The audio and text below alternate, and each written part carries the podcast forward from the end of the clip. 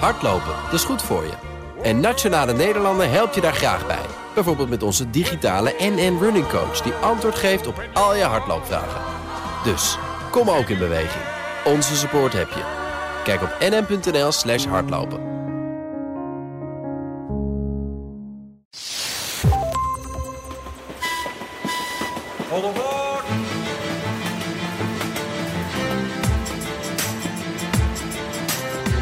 Verder hij ging, des te langer was zijn reis terug. Welkom bij kant B van de derde aflevering van de Goede Reis podcast. Kant B omdat we doorpraten met Ab Dijksterhuis. Hij is psycholoog, onderzoeker, hoogleraar en weet veel van ons brein. En hoe dat brein dan reageert op geluk, op creativiteit, op gevoelens van vrijheid. En Ab Dijksterhuis die koppelt dat aan reizen, zijn grote liefde. Van wie niet? Sinds kort is Ab ook reisschrijver. In het boek Wegwee schrijft hij over zijn reis van Tokio tot aan Tbilisi. Daarover spraken we in het eerste deel van de podcast. Dit tweede deel van aflevering 3 hebben we het ook over andere reizen die Ab heeft gemaakt. Zijn tips en tricks en zijn favoriete landen en steden om eens te bezoeken. Als ik landen zou moeten kiezen, dan zou ik denk ik zeggen India en, uh, en Myanmar. En natuurlijk komt ook de komende 25 minuten er een beetje reispsychologie om de hoek kijken. Je hoort trouwens net als in eerdere afleveringen het sterke verhaal van een luisteraar. En dit keer komt de tip van Karel. En ik geef je alvast de locatie.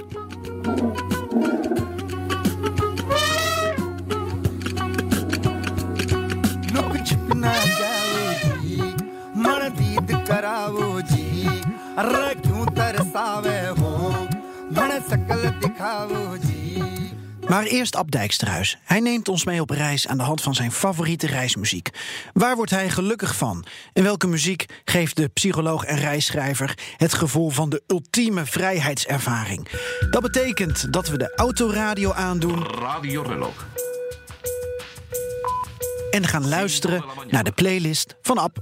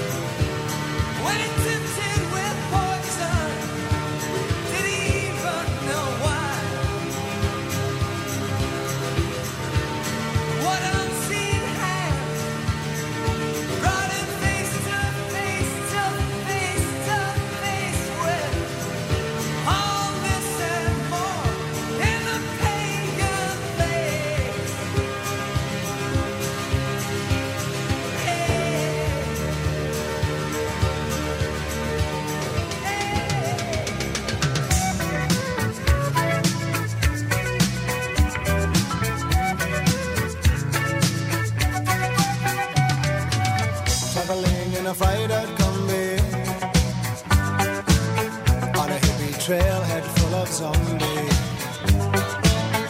I met a strange lady, she made me nervous. She took me in and gave me breakfast.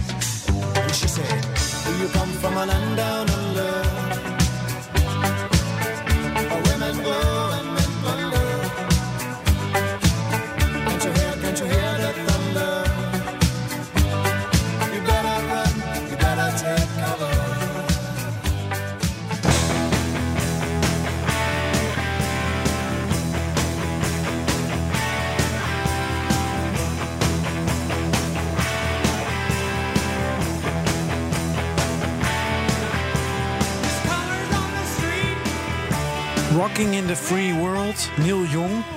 In 1989 uitgebracht op een single. Volgens mij zelfs op kant B. Waarom kies jij voor dit nummer als jouw reismuziek? Toen, toen ik in, toen ik in Noord-Korea was, toen heb ik het de eerste avond uh, dat, ik, dat ik alleen was op mijn hotelkamer. Dan heb je de, heb je de hele dag in de pas gelopen. Noord-Korea. Je mag allerlei dingen niet. En je moet heel erg oppassen met wat je zegt. In de praktijk viel dat eigenlijk wel mee. Maar de, zeker de eerste dag voelt het wel zo. En toen was ik s'avonds op mijn hotelkamer. En toen heb ik uit een soort. Als een soort eerste subversieve daad in Noord-Korea. heb ik heel hard dit nummer gespeeld. Van, heel hard? Ja, en eigenlijk vooral om de tekst.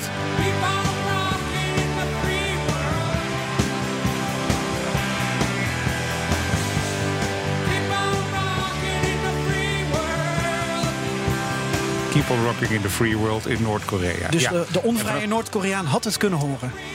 Ja, nou, ik ben, ik ben niet in de boei geslagen. Het is goed afgelopen. Sommige mensen zeggen dat alle hotelkamers afgeluisterd worden. En anderen zeiden, nee, dat is allemaal onzin. Nou, ik weet het niet, maar als het... eh, je hebt, nou, laat ik het zo zeggen. Als het wel zou afgeluisterd worden... dan hadden ze me waarschijnlijk toch wel opgepakt. Maar, Ja. Nou, Of vermanend toegesproken. mag. Engelstalige Ja. muziek eh, ook niet in Noord-Korea? Eh, jawel, dat mag wel. Ja. Maar, maar ze zouden de, de tekst kunnen... Nee, je hebt wel gelijk. Het zegt op zich nog, nog niet zoveel. Sorry, ik haal je nu helemaal uit een bepaalde herinnering dat je een subversieve data had eh, gepleegd. Ja, nee, geeft niet. Nee, ik, het is nog steeds een. eh, nee, en daarom, maar dat is wel even een reden dat ik met zo heel veel plezier op dat nummer terugkijk. Ja. Ehm, ja, toen, toen is het begonnen en sindsdien draai ik het vaak op reis. Zoek ik het op. Ja, Ik hoorde ook Down Under. Ja dat is. ehm, eh, je, hebt, eh, je hebt een paar van die, van die nummers die. die die horen, wat mij betreft, bij backpacken. En dat, dat is eigenlijk ook al heel lang zo.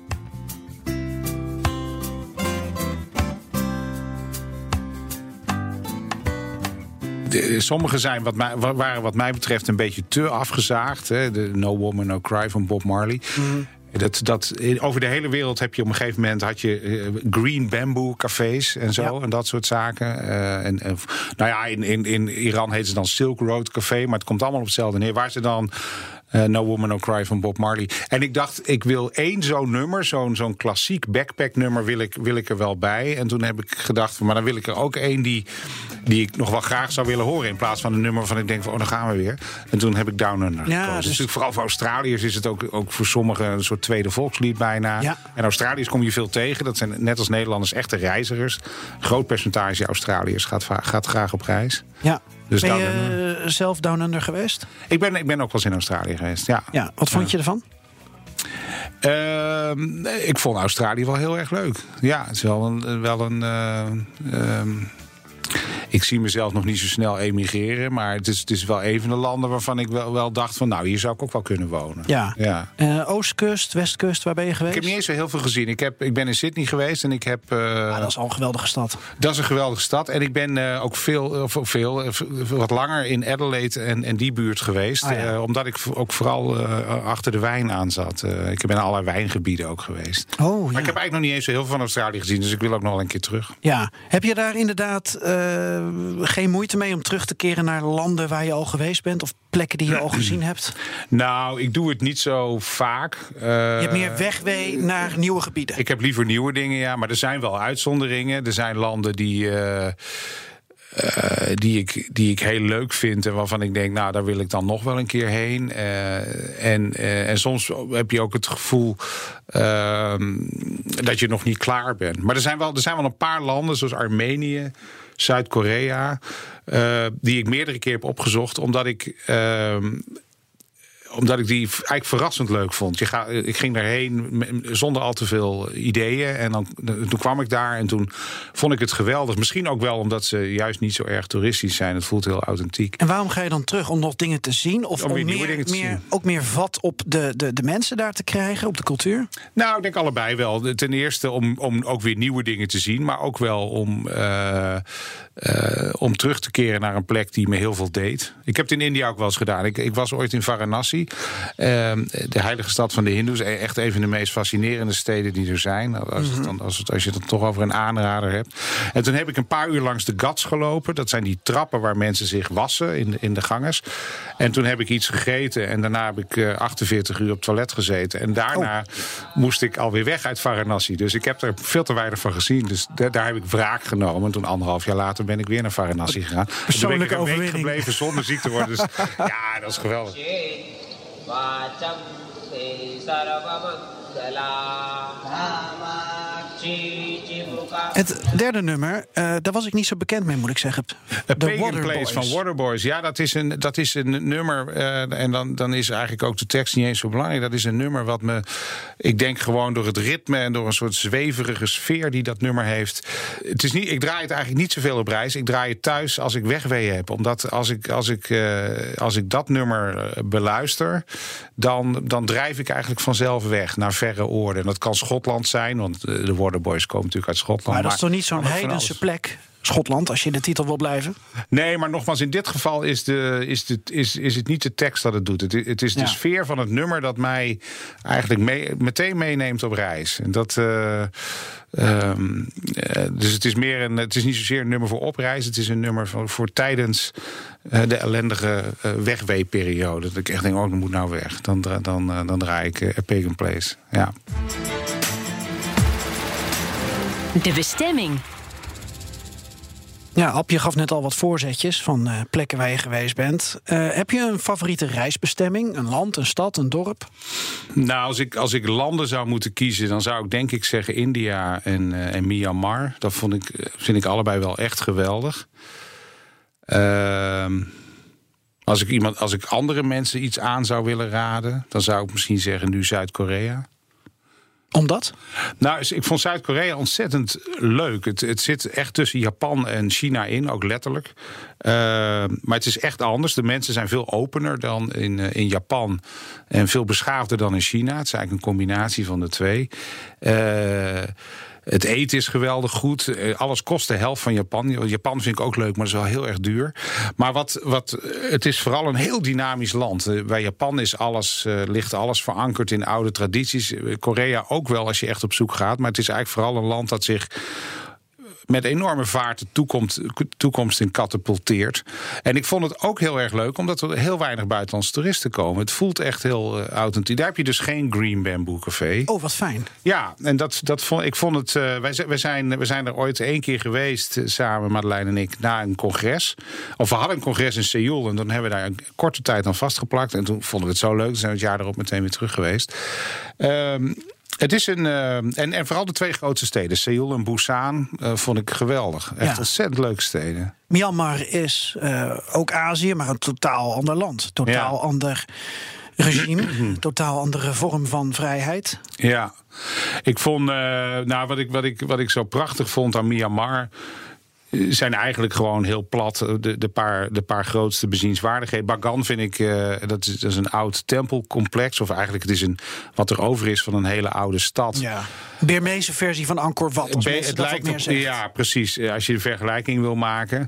Uh, het, het, de, de individuele tempels zijn zijn niet zo indrukwekkend als sommige van Angkor Wat, maar wel bijna. Ze zijn ook heel mooi. Het voordeel is dat je, maar het zijn er veel meer. En als je er eentje beklimt, dan kun je ze in de omgeving allemaal zien liggen. En dat is zo ongelooflijk dat je waar je ook kijkt, honderden tempels. Uh, en dat is het enige wat er nog is. Want vroeger was het een stad met uh, stenen tempels. En de rest van de uh, huizen en dat de, de rest van de gebouwen waren allemaal van hout. Ja. Dat was allemaal weggerot en weggespoeld en weggeaardbevingd en weet ik het allemaal. Dus alleen het steen staat er nog en dat zijn die tempels. Ik vond het echt magnifiek. En dan heeft het nog een voordeel boven Angkor. Angkor vond ik ook geweldig hoor. Maar dat is dat er veel minder mensen zijn. Het is nog ja. niet zo heel toeristisch. Maar ik vind Burma heeft, Myanmar heeft veel meer te bieden. Het, het is, ik, ik vond Yangon een leuke stad. En, en zo'n Schwedagon-pagode. Uh, ja. Moet je een, een belvormig gebouw van 100 meter hoog. Dus de domtoren. En dan goud. Alleen maar goud. Ik, de eerste keer dat je dat ziet, weet je, twijfel je aan je ogen. Je denkt, het kan niet, het kan niet echt zijn. Ja. Nou, het is wel echt. Ja, het is prachtig. Ja. Ik ben er vorig jaar geweest. Ja, ik was wel voor het eerst eigenlijk, want ik ben in een heleboel onvrije landen geweest. Ja. Misschien wel voor het eerst echt bezig met uh, wat voor soort regime er zat. Ook wel wat er uh, gebeurde met de Rohingya's. Ik was eigenlijk op zoek naar een soort. Ik was op een soort fact-check missie beland. Ik kwam erachter dat monniken via Facebook dan bepaalde berichten verspreiden. waar mensen dan weer uh, op aansloegen. Die zaten heel veel op Facebook. Lokale mensen die zagen Facebook als de nieuwsbron van Myanmar. Ja. Fascinerend hoe die machinaties dan daar zo werken. Ik, ik was heel erg bezig met die ja. politieke situatie. Heb je dat ook zo ervaren? Ja, ik heb het in, in, in Myanmar had ik het ook. Maar ik was er wel, ik was er in 2013. Het is, okay. Ik denk alleen in Myanmar is dat misschien ook niet zo gek, omdat het uh, niet alleen is het heel anders dan bij ons, dat sowieso. Maar het is ook heel onduidelijk. Uh, eh, je hebt verkiezingen, maar eigenlijk heeft het leger nog de macht. Je hebt, een, je hebt een Nobelprijswinnaar die, die, die heel veel macht heeft, maar die, die kennelijk goedkeurt dat die Rohingya's eruit ge, nou, dat er afschuwelijke dingen mee gebeuren, zeg maar rustig. Nou, Aung San Suu Kyi durft zich niet uit te spreken Nee, in het precies. openbaar. Omdat, Ja. ze, omdat ze bang is dat als ze zich uitspreekt, dat ze, nou ja, dat ze waarschijnlijk wel weer achter de tralies verdwijnt of wat dan ook. Dus het is een hele ingewikkelde situatie. En vond ik toen ook al in 2013, dat, dat was wel heel opvallend. Toen hadden ze net. Eh, wel een paar wetten doorgevoerd die meer vrijheden toestonden. Dus bijvoorbeeld, eh, er stonden allemaal boeken die negatief waren over de regering, stond, over die leger, eh, dat deel van de regering. Die stonden gewoon in de boekhandels. Oh, en ja? ik vond dat zo gek. Ik denk dat in China kun je dat vergeten. En in Noord-Korea natuurlijk al helemaal. Ik zei, dat kan toch niet? Ja, dat mag sinds een paar maanden. Dus, dus ja, het fascineerde mij ook. En toen waren ze, nou ja, die eerste democratische verkiezingen waren ze toen al wel een beetje aan het voorbereiden. En, en, daar werd ook, en er werd ook openlijk over politiek gepraat op straat. Ik vond dat toen heel fascinerend. Maar je zag duidelijk dat mensen er zelf nog aan moesten wennen. Ja.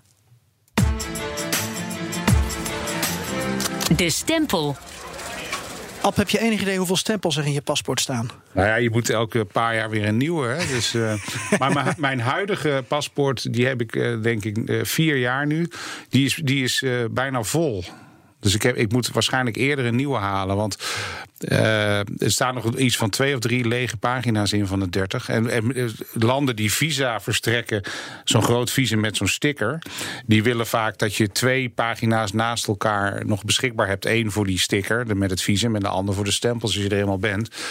Ehm, dus hij, hij, hij zit vol, zo'n Ja. beetje, bijna. Ook met eh, stickers en eh, visa uit eh, landen die niet door iedereen erkend worden. Abhazie, Nagorno-Karabakh. Nee, Abhazie krijg je een los visum. Nagorno-Karabakh, dat, dat ze zelf Artsakh noemen, krijg je ook een los visum. Dat kun je erin plakken, maar dan mag je nooit meer Azerbeidzjan in. Dus ik heb het er niet in geplakt, hoewel ik Daar ben je al de geweest. kans niet zo groot acht dat ik nog een keer naar Azerbeidzjan, maar je weet het net. Eh, nee, die, die, eh, nee, in Noord-Korea ook niet. Dat, dat is allemaal los. Wat wel een voordeel heeft, hoewel eh, bijvoorbeeld Amerikanen die weten het wel als je daar geweest bent. Als Ja. ik nu naar Amerika wil, wat ik vroeger voor mijn werk vaak deed, maar nou eigenlijk nooit meer. Dan, eh, dan omdat ik in Iran ben geweest en in Noord-Korea, moet ik wel. Dat, dan mag ik Amerika wel in, maar dat kan ik niet via internet regelen. Ik moet wel even naar Amsterdam Ja. om naar de en ook ambassade. niet via hetzelfde paspoort eigenlijk. Hè? Dan moet je een ander fysiek document volgens mij hebben. Dat is handiger, ja, Ja. zeker. Ja. Dus, Om slapende honden niet eh Nee, precies. te maken. Nee, dus de- Hoeveel landen heb je bezocht? Heb je het bijgehouden ja, een volgens mij, ja, ja, ik heb het ooit een keer op zo'n website. Volgens mij ongeveer 90 nu. Ja, Ja. Dat is eh, bijna de helft van de wereld. Ja, dat is bijna. Nou ja, ja, het ligt, ligt een beetje aan. eh, Ik, Ja, de obscure staatjes reken je. Abhazie en Nagorno-Karabakh reken ik dan mee, maar, die, die, eh, maar sommige rekenen die dan weer niet mee. Dus het is ook het is een beetje. Maar ik, ja, ik, ik ben inderdaad wel bijna op de helft. Ik heb in Afrika nog heel veel landen die, Oh ja. die ik voor het eerst kan bezoeken. Ja, maar dat lijkt me ook wel. Dat, daar zit ook bij mij een heleboel nog open. Ik kan me daar ook niet zo goed een voorstelling van maken. Het verschil tussen eh Tjaad en eh Burundi, bij wijze van spreken. Nee, dat, Ja. dat, is- dat zeggen meer mensen. Hè. Dat, dat eigenlijk vooral dat deel ten zuiden van de Sahara, dat is, dat is eh, zonder dan helemaal het zuiden, Ja. Zuid-Afrika, dat is wel weer. Dat dat toch een beetje een bijna een eenheid is. Maar anderen zeggen weer nee, als je er naartoe gaat, zie je wel grote verschillen. Ik heb ook wel, ik heb wel een paar van die landen bezocht. Eh, Rwanda, Oeganda, Tanzania. Ik vond het wel heel eh, ontzettend gaaf. Maar een, een aanzienlijk deel van de tijd ben je, ben je dieren aan het bekijken. En dat vind ik wel heel leuk, zo'n safari. Ik heb ook de berggorilla's gezien. Ja. Maar ik, de- in tegenstelling tot, tot eh, dingen die met cultuur te maken hebben, is het, is het denk ik niet iets wat je continu moet doen. hè. Zo'n zo'n echt zo'n geweldige safari wil ik best nog een keer doen, maar die hoef ik niet elk jaar. Terwijl steden of zo, die vervelen mij niet. Ik weet nog dat toen ik door eh, Afrika reisde. d- dat was een lange reis van Amsterdam naar Kaapstad. was voor een krant. Ja. Ging via het Midden-Oosten en vanuit Egypte helemaal door naar Zuid-Afrika. Ik heb één keer gesmokkeld dat ik moest vliegen, want Soudaan, daar kwam je Zodat toen kwam je niet in. Nee. En ik weet nog dat mijn moeder, dan komen we uit bij eh, kant A van ons gesprek, bij Dark Star Safari. Die was eh, ook Paul Verhoeven aan het lezen. En ik had mijn eigen pil mee, die ik deelde met mijn reisgenoot. En zij heeft doodsangsten uitgestaan bij wat Paul Verhoeven allemaal meemaakte. En ik als 21-jarige toen, ik heb het maar een beetje ervaren. Ehm, ik Ja. vond het leuk om te lezen en je hebt je eigen blik erbij. Ja, ja. Dat, dat is wel wat Afrika ook een beetje oproept, denk ik, bij mensen. Toch wel nog steeds dat vreemde. Maar Ja. ook als je er eenmaal bent, dan voelt het doodnormaal. Het is ook doodnormaal. Nou, ik vind af en toe zijn er wel dingen die een beetje ontregelend werken. eh, en en eh, meer onverwachte dingen. Maar het, het voelt voor mij, eh, althans de plekken waar ik ben geweest, want nogmaals, het is maar een klein deel van Afrika. Het voelt niet gevaarlijk of zo. Nee. Maar wel, een- wel een beetje ontregelend. Hè? Het is wel een beetje vervreemdend af en toe. Ja, ja maar Paul Vroes schreef echt over bosjesmannen... die dan met geweren klaar stonden, geloof ik. Dus Nee, ik heb dat soort dingen ook nooit. Nee, ik heb dat soort dingen ook nooit meegemaakt. Ja. Hoor. Dat, eh, het is wel jammer voor je boek eigenlijk, hè? Dan kan het nog net wat spannender Ja, worden. dat je, als dat je, je toch van die. wordt gegijzeld twee eh, weken. als je wordt, ja, dan heb je wel, heb je wel inderdaad heb je wel iets te vertellen. Ja. Ja, nee, ik, ik, eh, maar om dat nou op te gaan. Nou ja, ik bedoel, ik heb wel, wel een paar plekken een beetje, hè, zoals Nagorno-Karabakh aan de grens met Azerbeidzjan. Er zijn wel mensen, daar kun je beter niet naartoe. Ik heb wel, ik, er zijn wel een aantal eh, landen die ik heb bezocht waar een zeer negatief reisadvies eh, heerst. Maar goed, eh, nee, ik heb geen hele gevaarlijke situaties meegemaakt. Nee. De geheimtipp. Ja, Ab, heb je nog een, een favoriet restaurant, een favoriet museum, iets in the middle of nowhere? Van mijn vorige gast heb ik bijvoorbeeld een, een, een eetcafé in Rome als tip gehad. Of neem altijd eh tie wraps of duct tape mee in je handbagage. Want alles wat stuk gaat, kan je daarmee maken. Dan heb je het maar bij de hand. Ja, dat vind, ik- dat vind ik een, eh, dat vind ik een moeilijke. Maar is een. Is een eh, eh, het is bijna meer een algemeen punt. Maar ik zou zeggen, ga een keer naar een grote vismarkt in Zuid-Korea of in Japan. Dat zijn, die fungeren ook als restaurants. Dan heb je het beste eten van de wereld. Je ziet alle dieren die ooit in de zee hebben geleefd, zie je daar, zie je daar liggen. Ik, vond dat, eh, ik vind dat, dat. Dat verveelt mij ook nooit. In elke Japanse stad of Koreaanse stad waar ik ben, ga ik, ga ik meteen naar de vismarkt. Ik vind dat helemaal geweldig. En die geur dan? Eh, verse vis ruikt niet zo erg hoor. Ja, maar sommige vis ligt er toch al wat langer? Nee, de- Nee? Die, die omloopsnelheid eh, in dat soort landen is juist heel erg eh, groot. Want die mensen die eten allemaal heel erg veel vis. Nee, ik, nee, ik heb. de- nou ja, wat ik. In, in mijn herinnering stinkt het daar niet bijzonder. Nou, ik heb net zo. Pachinko gelezen. Ja, ja, Eh, het boek ja. over Zuid-Korea. Busan, geloof ik. Hè? De, is dat de visstad ook daar? Ja, Busan heeft de grootste vismarkt van Korea. Ja. Daar, en daar kun, je, eh, ja, daar kun je hele bijzondere dingen zien en ook hele bijzondere dingen lezen. Misschien is, dat, eten, eh, sorry. misschien is dat wel inherent aan, aan, aan lezen. En wat ik ook met jouw boek doe, dat ik dan mijn eigen voorstelling erbij maak. Ja. En misschien ook geuren. De geuren erbij. koppel. Ja, ja. Laatste vraag, waar gaat je volgende reis naartoe? Ehm, ik ga tijdens de winterstop ga ik eh, een, week naar Zuid-Spanje, naar Cadiz om te schrijven. En de eerste verdere reis eh, gaat naar eh, Taiwan. Ik, ik, heb, ik ben nu een beetje in de Oost-Azië-sfeer. Ik zei al Noord- en Zuid-Korea, China, Japan. En dan wil ik ook nog een keer naar Taiwan. Moeten we nog even met de Nou, Chinezen overleggen of je dat als eh, los land mag eh, tellen? Hè? Nou, ik tel hem als los land. eh, maar dat, dat, dat zullen zij dan wel weer niet goed vinden. maar ik denk ook niet dat ze het heel erg vinden. Zo belangrijk ben ik gelukkig niet. Eh, nee, Mark Rutte zou niet moeten zeggen dat het een eigen land is. Nee, dan hebben we een probleem. Goeie reis. Dankjewel.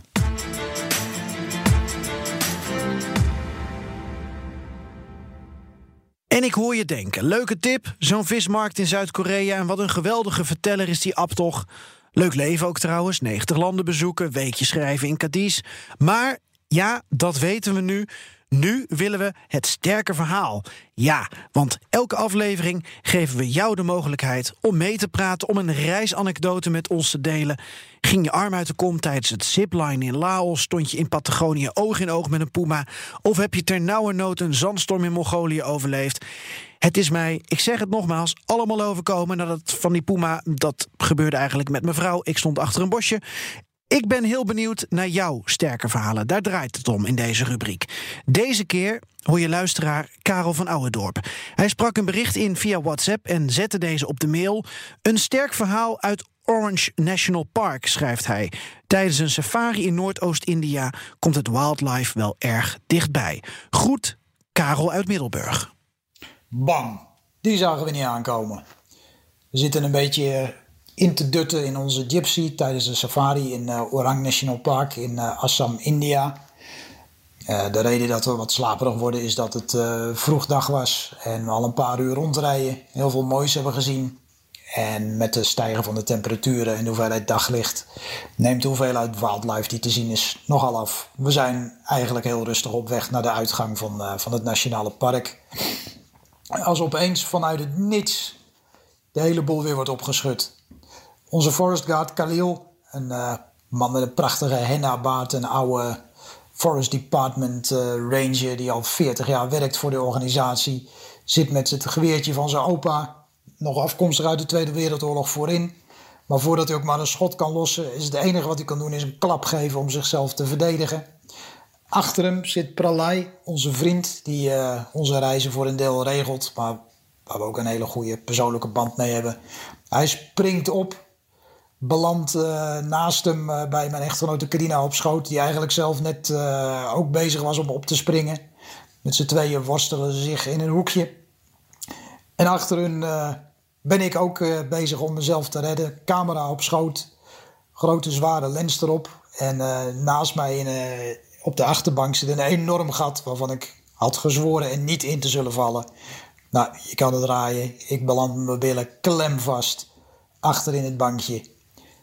Wat wel als geluk heeft dat uh, de enorme grote tanden van uh, de neushoorn die ons zojuist heeft geramd voor mij langs uh, wegzwaaien en het beest weer in het dichte olifantengras van dit prachtige gebied verdwijnt.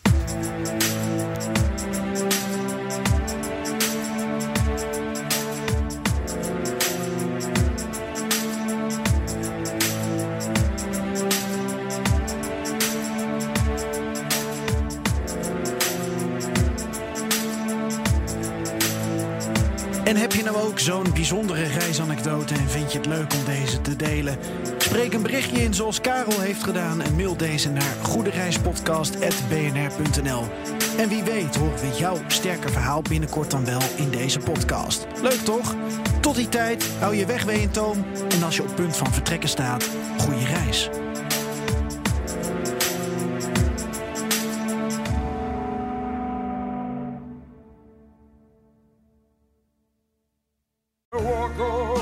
Hardlopen, dat is goed voor je.